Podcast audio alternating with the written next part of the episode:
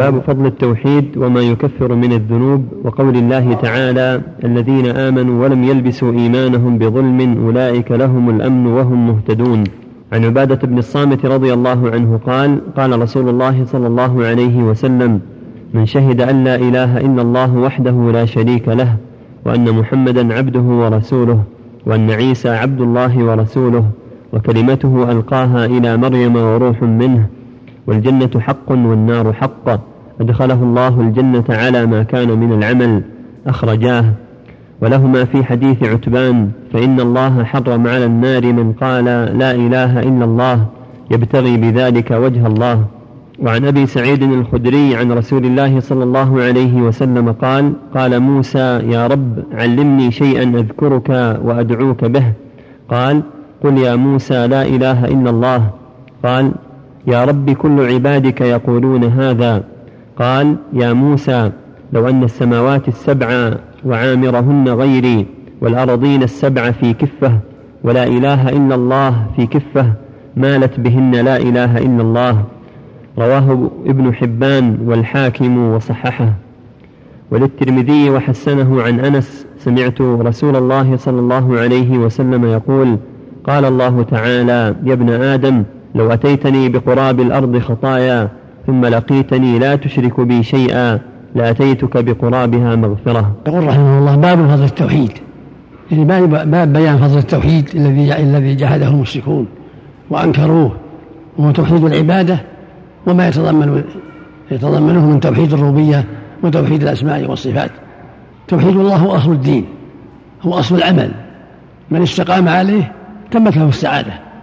ولهذا أورده المؤلف بهذا الباب ليعرف, ليعرف طالب العلم وليعلم كل مسلم فضل التوحيد وعظم شأنه. وقد جحده المشركون واتخذوا مع الله الآلهة والأنداد وقالوا ما نعبدهم إلا ليقربونا الله زلفى هؤلاء شفاعنا عند الله. أقروا بأن الله خالقهم ورازقهم وأقروا بأسمائه وصفاته ولكن جحدوا استحقاقه العبادة وحده وجعلوا معه الآلهة والشفعاء فكانوا بهذا مشركين استحلت الأنبياء دماؤهم وأموالهم. واستحل نبينا صلى الله عليه وسلم دماءهم وأموالهم حتى يعبدوا الله وحده حتى يخصوه بالعبادة. فلا يعبدوا معه ملكا ولا شجرا ولا حجرا ولا صنما ولا نبيا ولا غير ذلك.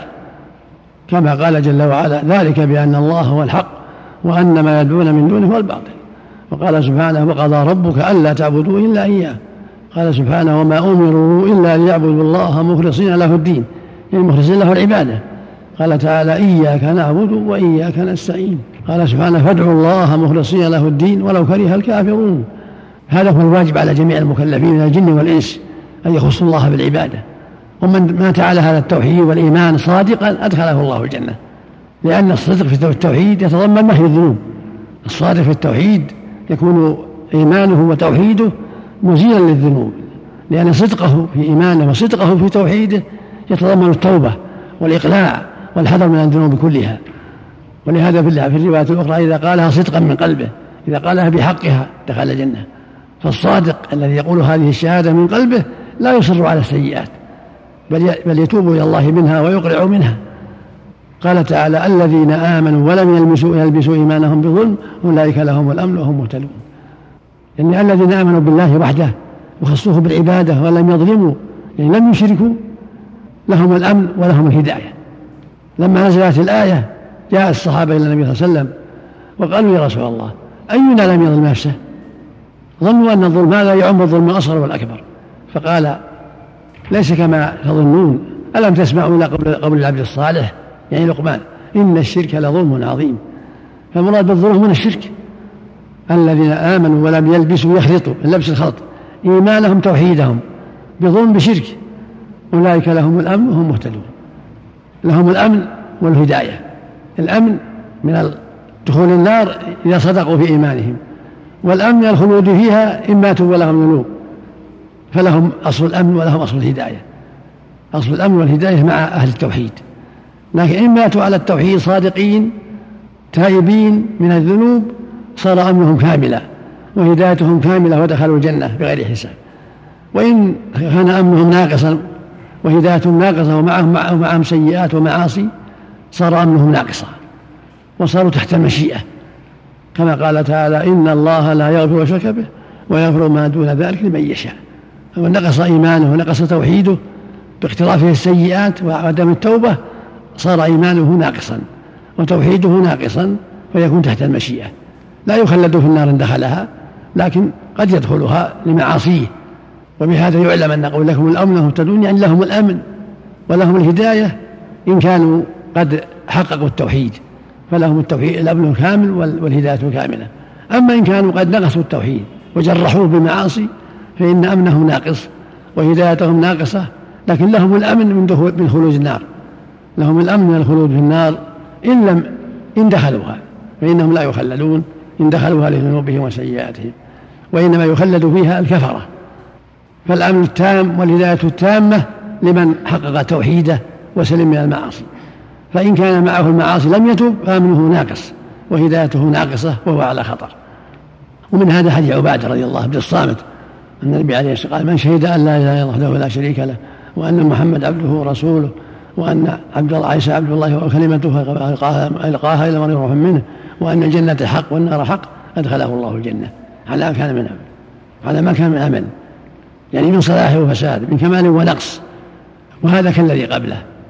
إن كان حقق توحيده وإيمانا دخلها من أول وهلة. وإن كان عنده نقص بالسيئات فهو مقيد بالأحاديث الأخرى. لأن النصوص يقيد بعضها بعضا والآيات يقيد بعض يقيد بعضها بعضا. فهذا الحديث وما جاء في معناه من الأحاديث المطلقة. تقيد بقوله جل وعلا إن الله لا يشرك به ويغفر ما دون من يشاء. وتقيد بقوله صلى الله عليه وسلم الصلوات الخمس والجمعة إلى الجمعة ورمضان إلى رمضان كفارات لما بينهن إذا اجتنب الكبائر وما جاء في معناها. وحديث الوعيد على المعاصي تقيد هذه المطلقات ويكون مراد ادخل الله الجنه مكان من العمل يعني إذا كان قد أدى الواجبات وترك المحارم. وإن كان عمله ليس كعمل السابقين بل له الجنه إذا كان أدى الفرائض وترك المحارم. أو مات على توبة وهكذا حديث عثمان إن الله حرم على النار من قال لا إله إلا الله يبتغي بذلك وجه الله. يعني من قالها صادقا حتى ترك المعاصي. فإن إذا قالها صادق يبتغي وجه الله لم يصر على السيئات. بادر بالتوبة فحرمه الله على النار. كما دلت عليه النصوص الأخرى. وهكذا حديث أبي سعيد في قصة موسى حين قال يا رسول يا ربي علمني شيئا أذكرك وأدعوك به. قال قل لا إله إلا الله. قال يا ربي كل عبادي يقولون هذا. يعني وإنما أردت شيئا توصني به. قال يا موسى لو أن السماوات السبع وأمرهن غيري ورادنا السبع. يعني وعمرهن غيره في كفة ولا إله إلا الله في كفة. مالت بهن لا إله إلا الله رجحت بهن إذا قالها صادقا مخلصا تاركا للسيئات تائبا إلى الله منها. فإن هذه الحسنات ترجح بجميع سيئاته التي تركها وحقق أيمانه بتوبة منها وعدم الإصرار عليها. وهكذا حديث أنس. يقول الله جل وعلا يا ابن آدم لو أتيتني بقراب الأرض خطأين القراب ضم القاف على الأشهر. يعني ملأها أو ما يقارب ملأها ثم لقيتني لا أشرك بشيئا موحدا محققا توحيدك أتيتك بقرابها مغفرة يعني غفرت لك. فهذا يدل على من أتى الله بالتوحيد الخالص الصادق المتضمن. عدم الإصرار على السيئات والتوبة منها لقيه الله بالمغفرة لجميع سيئاته التي مات قد صدق في تركها والتوبة منها والإقلاع منها كما جاءت النصوص بذلك. والنصوص يقيد بعضها بعضا ويوضح بعضها بعضا ويفسر بعضها بعضا. فالآيات المطلقة والأحاديث المطلقة تقيد بالأحاديث المقيدة والآيات المقيدة. وبهذا لا يكون بين النصوص اختلاف بل يفسر بعضها بعضا ويدل بعضها على بعض.